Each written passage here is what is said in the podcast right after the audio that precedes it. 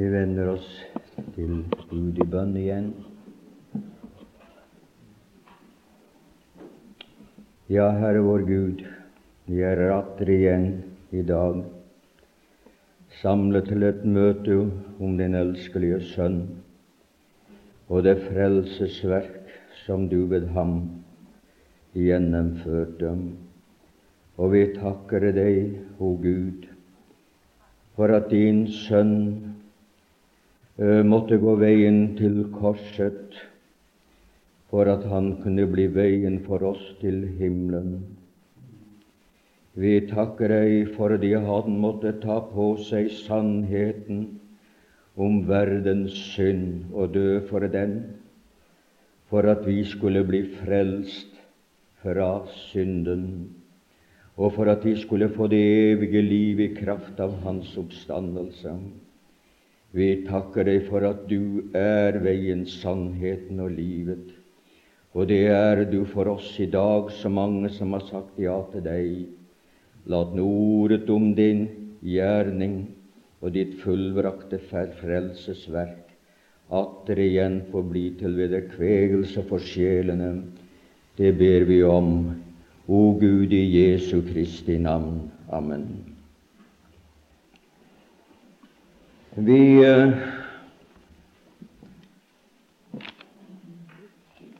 betraktet i formiddag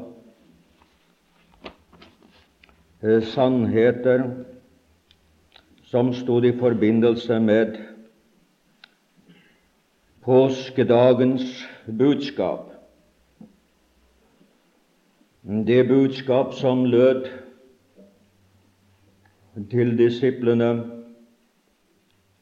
ja, som lød til Maria tidlig om morgenen og til kvinnene senere hen, og til disiplene om aftenen, da han møtte dem. Men det er noe ved det budskapet som vi ennå ikke er ferdig med.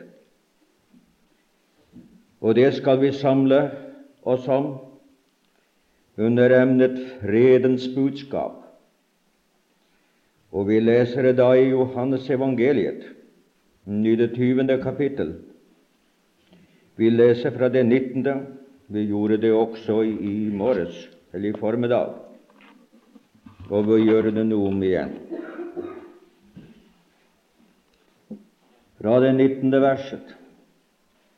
Da det nå var aften den dag, den første dag i uken, og dørene var lukket der hvor disiplene var, av frykt for jødene, kom Jesus og stod midt iblant dem og sa til dem, Fred være med dere. Og da han hadde sagt dette, viste han dem sine hender og sin side. Da ble disiplene glade da de så Herren. Han sa det atter til dem, Fred være med eder. Like som Faderen der sendt meg, sender også jeg eder. Og da han hadde sagt dette, åndet han på dem og sa til dem, Ta imot Den hellige ånd.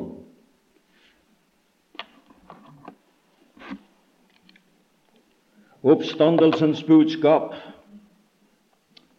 skal ikke alene forkynnes første og annen påskedag. Det er et helårsbudskap. Det er et livsbudskap. Det kan høres 365 ganger om året, for det er det sentrale budskap. Det er seierens budskap. Den levende Frelser kommer også til oss, om ikke synlig, slik som han kom til sine disipler. Så kommer han, for han har sagt, Se, jeg er med dere alle dager, inntil tidshusholdningen, eller til verdens ende. Noen leser tidshusholdningens ende. Og han har jo også sagt hvor to og tre er samlet i mitt navn, der er jeg midt iblant. Han er sentrumsmannen. Han skal ha den plassen. Der, er, der var uro i sjelene og i deres sinn da de var der i øvre salen hin kveldsstund. Tro og, kjemp, og kjærlighet, tro og tvil kjempet om makten. Men nå var stormen forbi. Guds vredes sky hadde så å si brutt og rammet ham. Dommen var falt. Dødsdommen var fullbyrd. Skyldbrevet, skylden var betalt, og skyldbrevet var utslettet. Seieren var vunnen, og nå møter han dem i fred. Og fred, når det kommer til stykket, så er det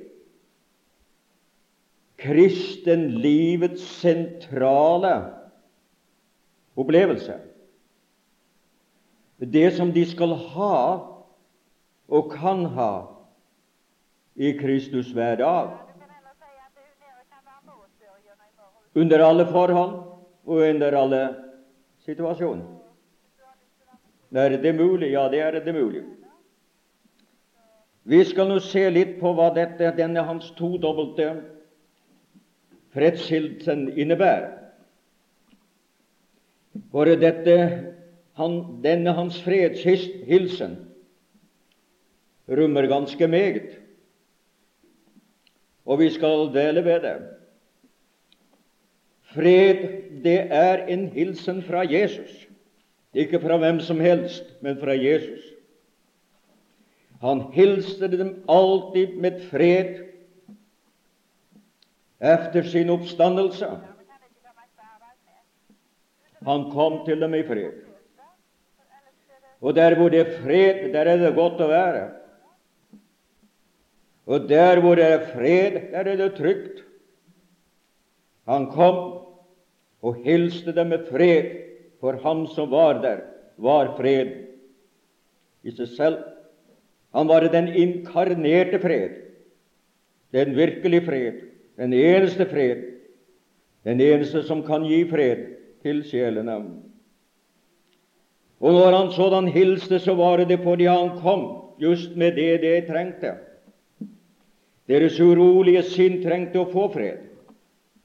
Deres bange anelser trengte å falle til ro. Og den ro fikk de ved Hans beroligende budskap, med Hans nærværelse i deres midte, så senkedes freden ved Hans fredshilsen over samværet der på øvre salen. Sådan er det også. Hvor Jesus får råde, der er det fred. Og når han får lov å komme på møtene da kjennes det fredfullt. Da kjennes det godt å være der. Det er en himmelsk stemning, det er en himmelsk atmosfære som råder der hvor Jesus kommer med sin fredshilsen.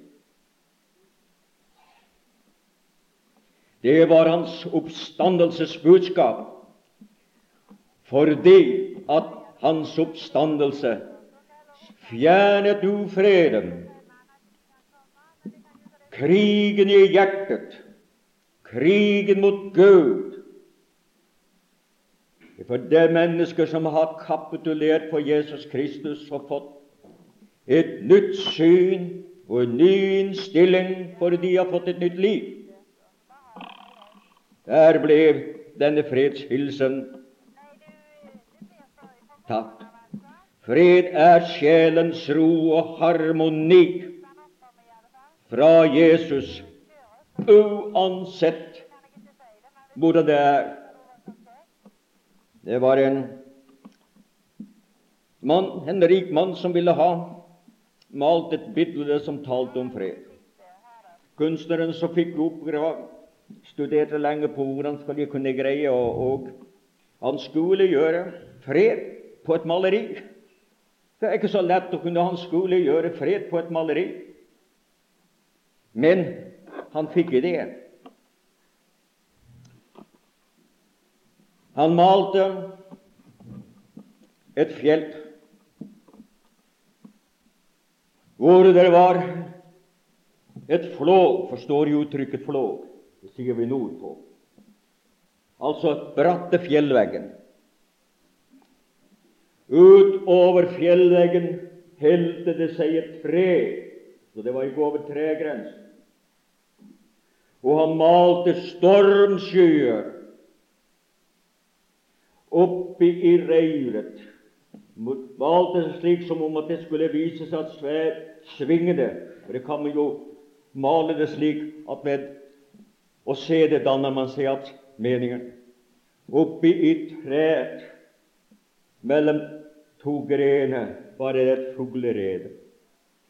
Opput av det fugleredet stakk det noen fugleungers hoder opp. Nedenunder skrev han fred. Ja, og sådan er det storm i verden, avgrunnsdyp, men hvor vi har fått en plass hos Jesus, er vi atskillig mere trygge enn fugleungene i redet. Vi er hos Ham, vi er i Hans hånd, og der er det fred av Ham som gjorde fred. Fred er en følgesvenn i troslivet. Det skal ikke alene være en fredshilsen, for en hilsen tar slutt. Men freden er en følgesvenn eh, som skal følge oss gjennom livet. Han hilste dem, det er sant. Fred være med eder, altså være med, fortsette. Den er kommet, den skal fortsette, den skal være ved, for er med eder. Ikke bare hos eder, men den skal være med dere. Det er en følgesvenn. Han gjentok det to ganger. Slik som hans miskunnhet, bare godt og miskunnhet etterjager oss alle våre dager, står det i den 23. salme. At miskunnhet, nåden,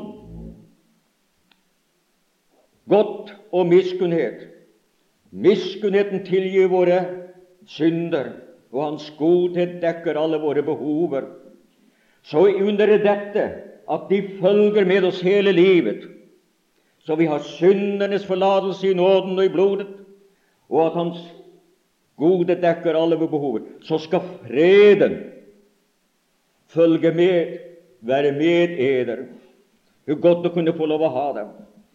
Fred om søndagen, fred om mandagen, og om tirsdagen, og om onsdagen, og om torsdagen, og fredagen og lørdagen, og begynne på på søndagen. Fred fra Jesus som følger med. Se, Det er noe som verdens mennesker ikke kjenner til. Det er noe som de er fremmed over, for de har det ikke. Men vi har gått inn i den, vi har fått den. Og det er det velsignelsesfulle med Jesus, at han gir det. Våre følelser de kan variere. Følelses De kan være høy, og de lav.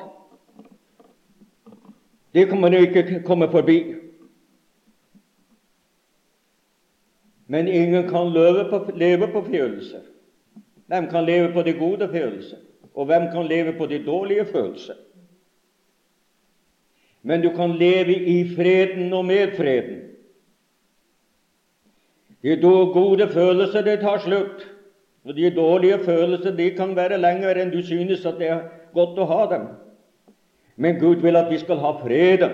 Det ligger midt imellom der. Det er en, men freden, det er ikke bare alene et, en følgesvenn, en hilsen og en følgesvenn, men det er også et fullbrakt verk. Freden er et fullbrakt verk. Han gjorde fred med sitt korses blod.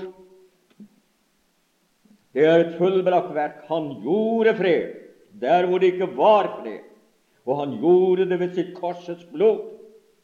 Det er et fullbrakt verk at han brakte.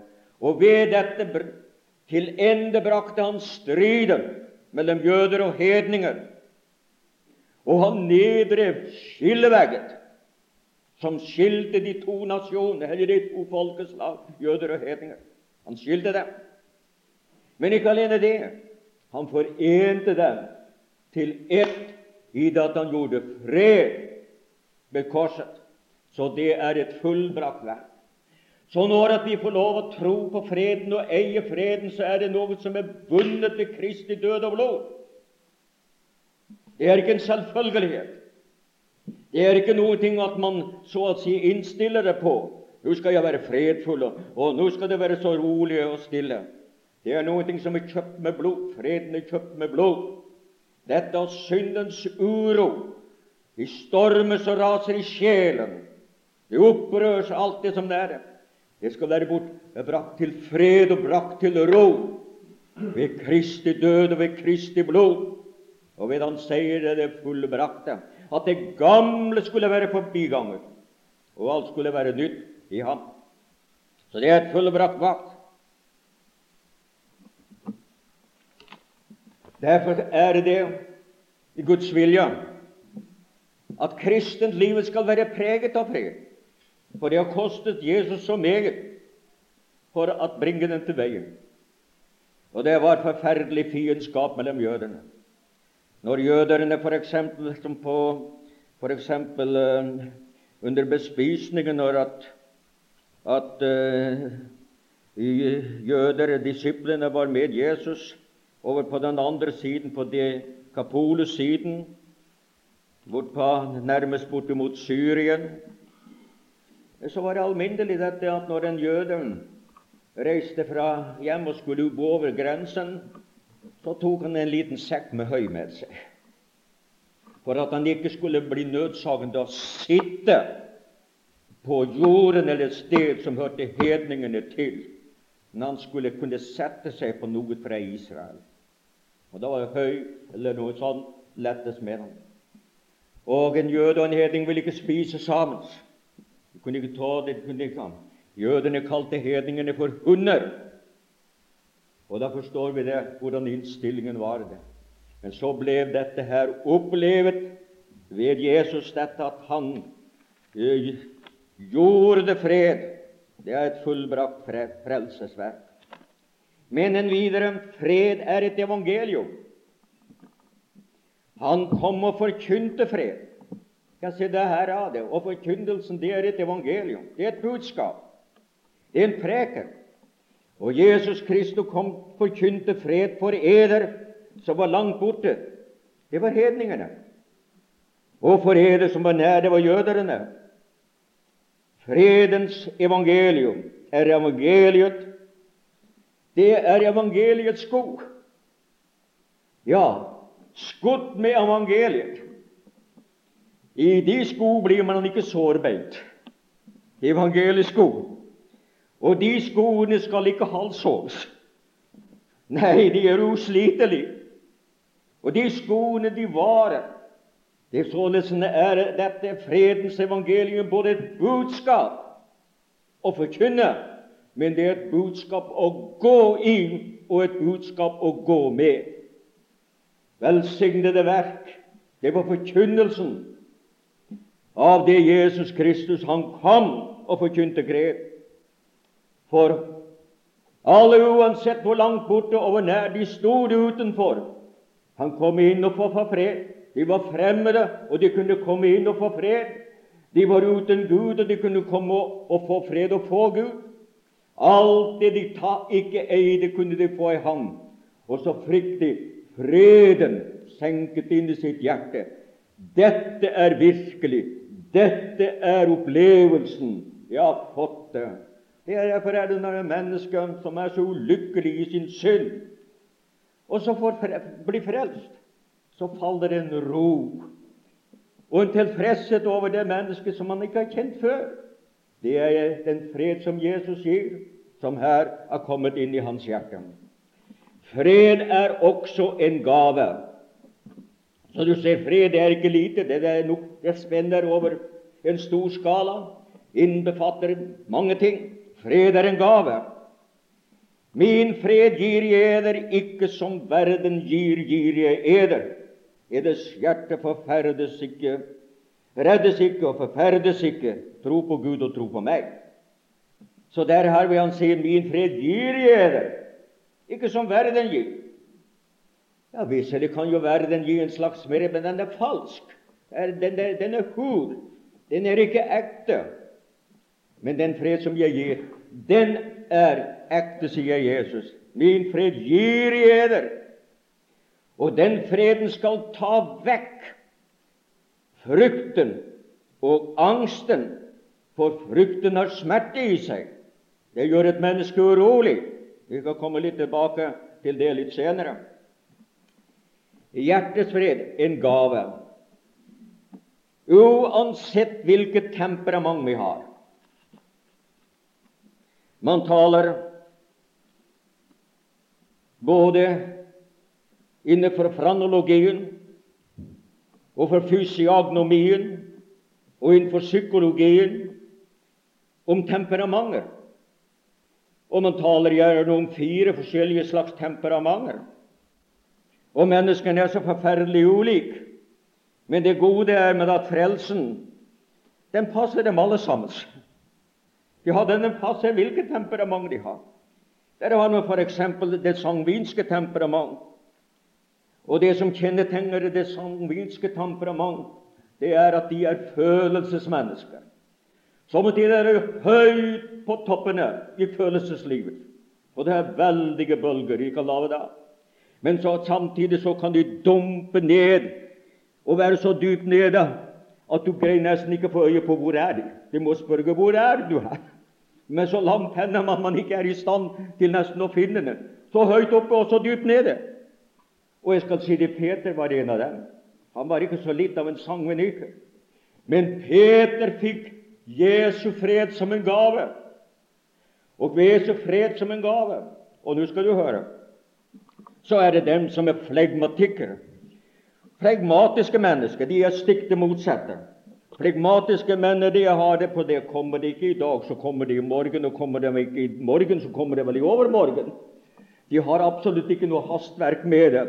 De er, de er sånne mennesker som jeg sier, som ikke du kan rive ut av stemning eller ut av stilling. De er nokså godt balansert. Ikke er de høyt der oppe, og ikke er de der nede der. Jeg lurer på om ikke Nathanael var en av dem, av disse stabile, og en av disse som, som virkelig var sånne, sånne piller i naturen. Man må si han var født som et godt menneske, hvis man skal tør si det. For det er jo ikke Men du vet det er stor forskjell på mennesker. Men han fikk det var én ting han manglet. Han hadde ikke fred, men han fikk den. Min fred gir jeg deg.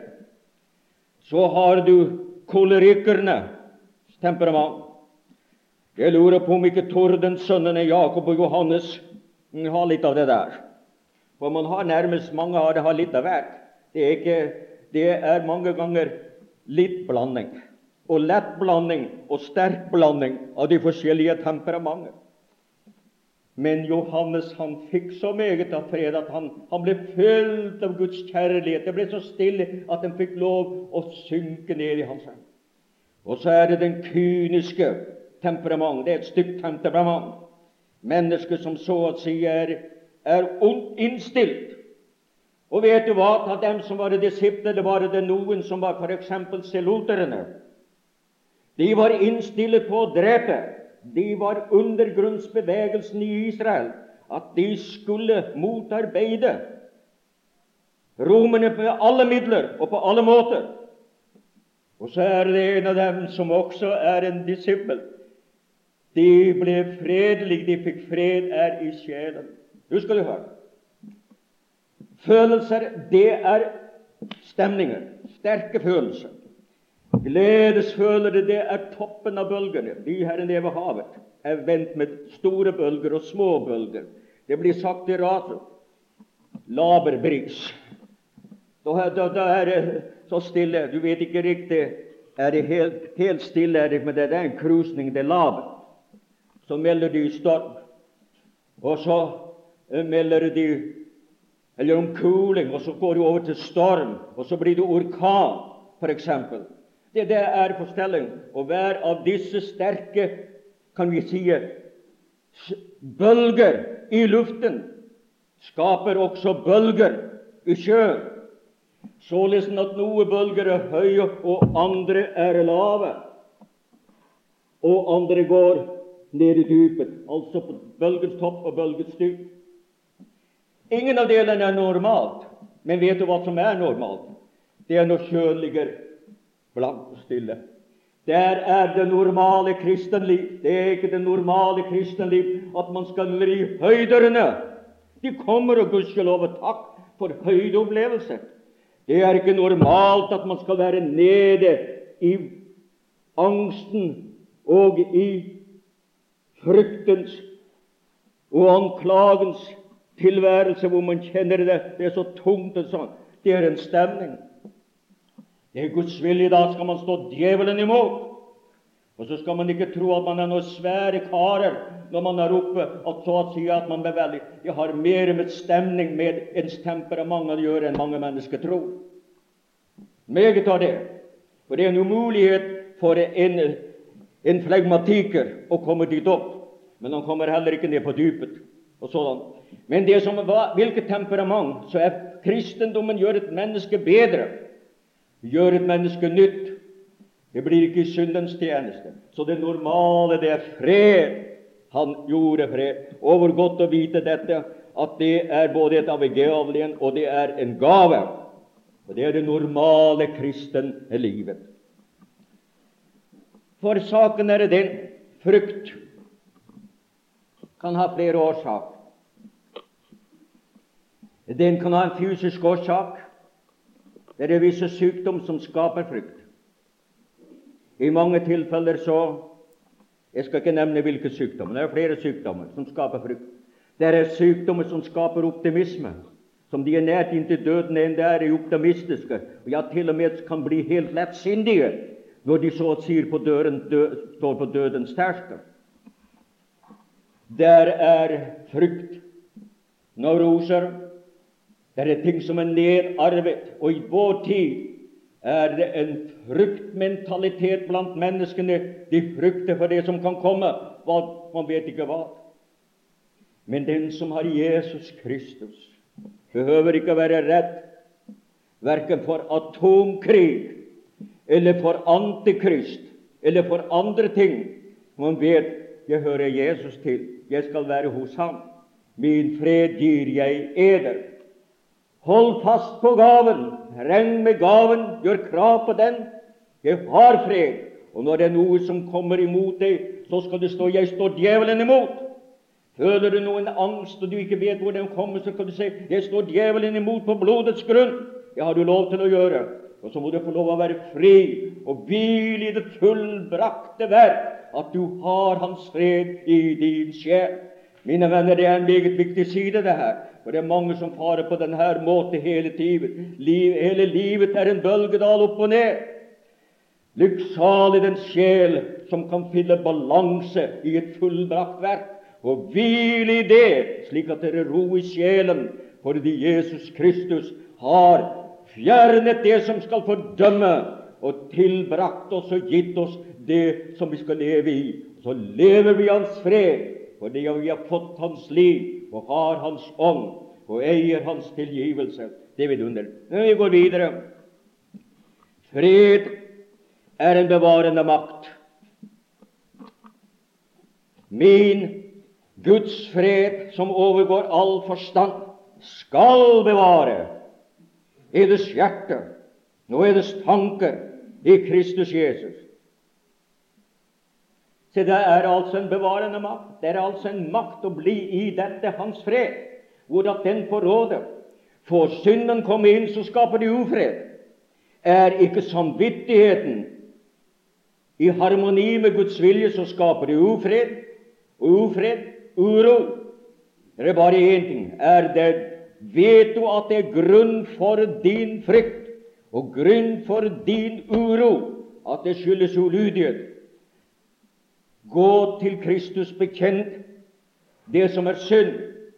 Hvis det er gjort over på Gud, skal du bekjenne for ham. Er det for en bror eller en søster som vet om det, så skal du gå og bekjenne det for ham. Er det overfor hele menigheten som kjenner til den, skal du bekjenne det der, så forsvinner Er det for å ofre? Nei, det er en frukt av frelsen. Det er å bære omvendelsens verdige frukt, og det er å leve i et sunt liv. I den gamle metodistkirke for en halvannet hundre år siden, da det var en Guds kraft Jeg vil ikke si at det er ikke noen som har det, men det var det da. Det er påstått at den metodistiske kirkes hellighetsliv og nøye samfunn med Herren reddet Amerika tre ganger fra borgerkrig. Hvordan var det? De hadde, når de kom på deres samfunnsmøter, så var det etter en viss tid Hvis det var blitt er det kommet noen ting imellom deg og din bror, eller en eller annen ting, så hadde de oppgjørsmøter og sa Bror, søster, kan du tilgi meg? Jeg har sagt det, eller jeg har gjort det, og ikke vært slik som jeg skulle. Og så bevarte søskenforholdet rett. Det var en oppgjort sak både oppad og utad og innad. Og Det er så meget viktig for freden å ha dette forhold til Herren, at det er klare linjer, at man vet på blodets grunn har man fått nåde og styrke til å innrømme. Jeg skal si det, Vi lever i en tid hvor det er et ord som vi begynner å gå i glemmeboken. Jeg lurer på om ikke det snart skal gå ut av ordboken. Og vet du hvilket ord det er? Unnskyld meg, tilgi meg. Du kan jo høre hvor ofte du hører det, og noen sier 'Å, unnskyld meg, tilgi meg'. Nei, det er et ord som folk ikke vil høre i alminneligheten, i det minste ikke verden sin, å be om unnskyldning og tilgivelse. Men det er et meget viktig ord, dette, fordi det, det har med hjerteforholdet med Gud å gjøre. Vi får gå videre. Fred er en stilling Nei, fred er Åndens verk i sjelen. Men Åndens tro eller lyst er liv og fred. Det vil Den hellige ånd. Helligånden vil liv. Helligånden vil fred. Det er Helligåndens verk. Og Åndens frukt er kjærlighet, glede og fred. Så det ser du altså. Det er Åndens verk å skape og overføre det Kristus brakte, Han som forkynte fred som gjorde fred, som er vår fred, og virkelig gjøre det i våre liv og i våre hjerter. Så det er Åndens verk. Men videre fred er en stilling i nåden i Kristus. Fred er en stilling. For Kristus er vår fred, står det i Efeserbrevet 2. Uansett, uansett av følelser. Har vi fred i Ham? Han er vår fred. Så innenfor Gud der er ikke bølger der oppe. Det er bare her nede. Der er ikke noen forandring i stillingen, men det kan være forandring i tilstanden. Men på grunn av den stilling, den herlige stilling vi har i nåden hos Gud, på grunn av et, et fullbrakt frelsesverk, vil Ånden forsøke å virkelig gjøre dette og skape freden innad og utad, slik som den skal være oppad. Så freden, det er en stilling i nåden, uansett av følelse, uansett av fysiske tilstander. Om du er syk, om du er skrøpelig, om du er prøvet, om du er fristet Uansett dette, så i meg skal jeg ha fred, sier Jesus. I meg skal jeg I verden har jeg ufred, men i meg skal jeg ha fred. Så det er en stilling i nåden. Og denne stillingen skal vi kunne få lov ved Ånden å tilegne oss å leve i denne fredens harmoni. Harmoni med sjelen. Forstår frelsen? Et menneske som er ufrelst, er i disharmoni med Gud. Han er i disharmoni med naturens lover. Ved å overgi seg til Herren kommer han, i, kommer han i harmoni med Gud. Han kommer i harmoni med seg selv. Og det skal bevirke at han kommer i harmoni så langt som det står til hans makt, også utad, at han blir et fredens menneske. Ja, men fred er også en oppgave. En veldig oppgave. Hold fred med hverandre. Kan du høre? Det er meget i Guds ord om freden. Det er en oppgave. Hold fred. Altså, vi kan skape ufred, men vi kan holde fred. Fredens mennesker. Man kan gjøre det som skaper uro, man kan gjøre det som skaper ro. Man kan være så å si eh, ødelegge freden, men man kan også uh, styrke den. Og fred er en forenende makt, for det står fredens sambånd bundet sammen i fred, eier fred, bundet sammen i fred. Ser du hvilken veldig hva, hvor meget det ligger i det Jesus Kristus brakte når han kom med sin fredshilsen? Hans fred virker på alle disse områder. Det er hans verk. Fred er sjelens harmoni med Gud, innad i pakt med Han på blodets grunn, oppad i stillingen i nåden og utav i sampen ned når man lever med Herren og forledes av Herren, og han får sin vei med ham. Sluttelig, for verdens mennesker er det ingen fred. Det er ikke fred for det ugudelige. De går ikke på fredens vei. De tar ikke imot fredens budskap. De eier ikke fredens skiver, Jesus Kristus. Og de er uten fred i denne verden. Når de søker fred, når det søkes fred blant verdens nasjoner To ganger hadde Folkeforbundet og De forenede nasjoner, og vet du hva de burde kalles? De uenige nasjoner. Ja, De uenige nasjoners forbund. Det er faktum, det som er sannhet. Og vet du hvorfor at det er slik? Det er fordi, som jeg nevnte før, ved Jalta-konferansen var Jesus Kristus utelatt. Og så delte vestmakter og østmakter Europa i to interessesfærer. Så på den ene side der ligger man stadig vekk i fangenskap eller så slaveri. Og så solgte Vesten så å si til kommunismen. Husk, forsøket å skape fred, og når det er noe som skal skape det, så er det stormaktene som gjerne kommer med et veto. Eller som, som da Khrusjtsjov i sin ess og hadde sin makt, for han ble styrtet. Han stod i Folkeforbundet og tok skoene av og slo. Njet, njet. Det er det samme som nei. Ja, så var det hans veto.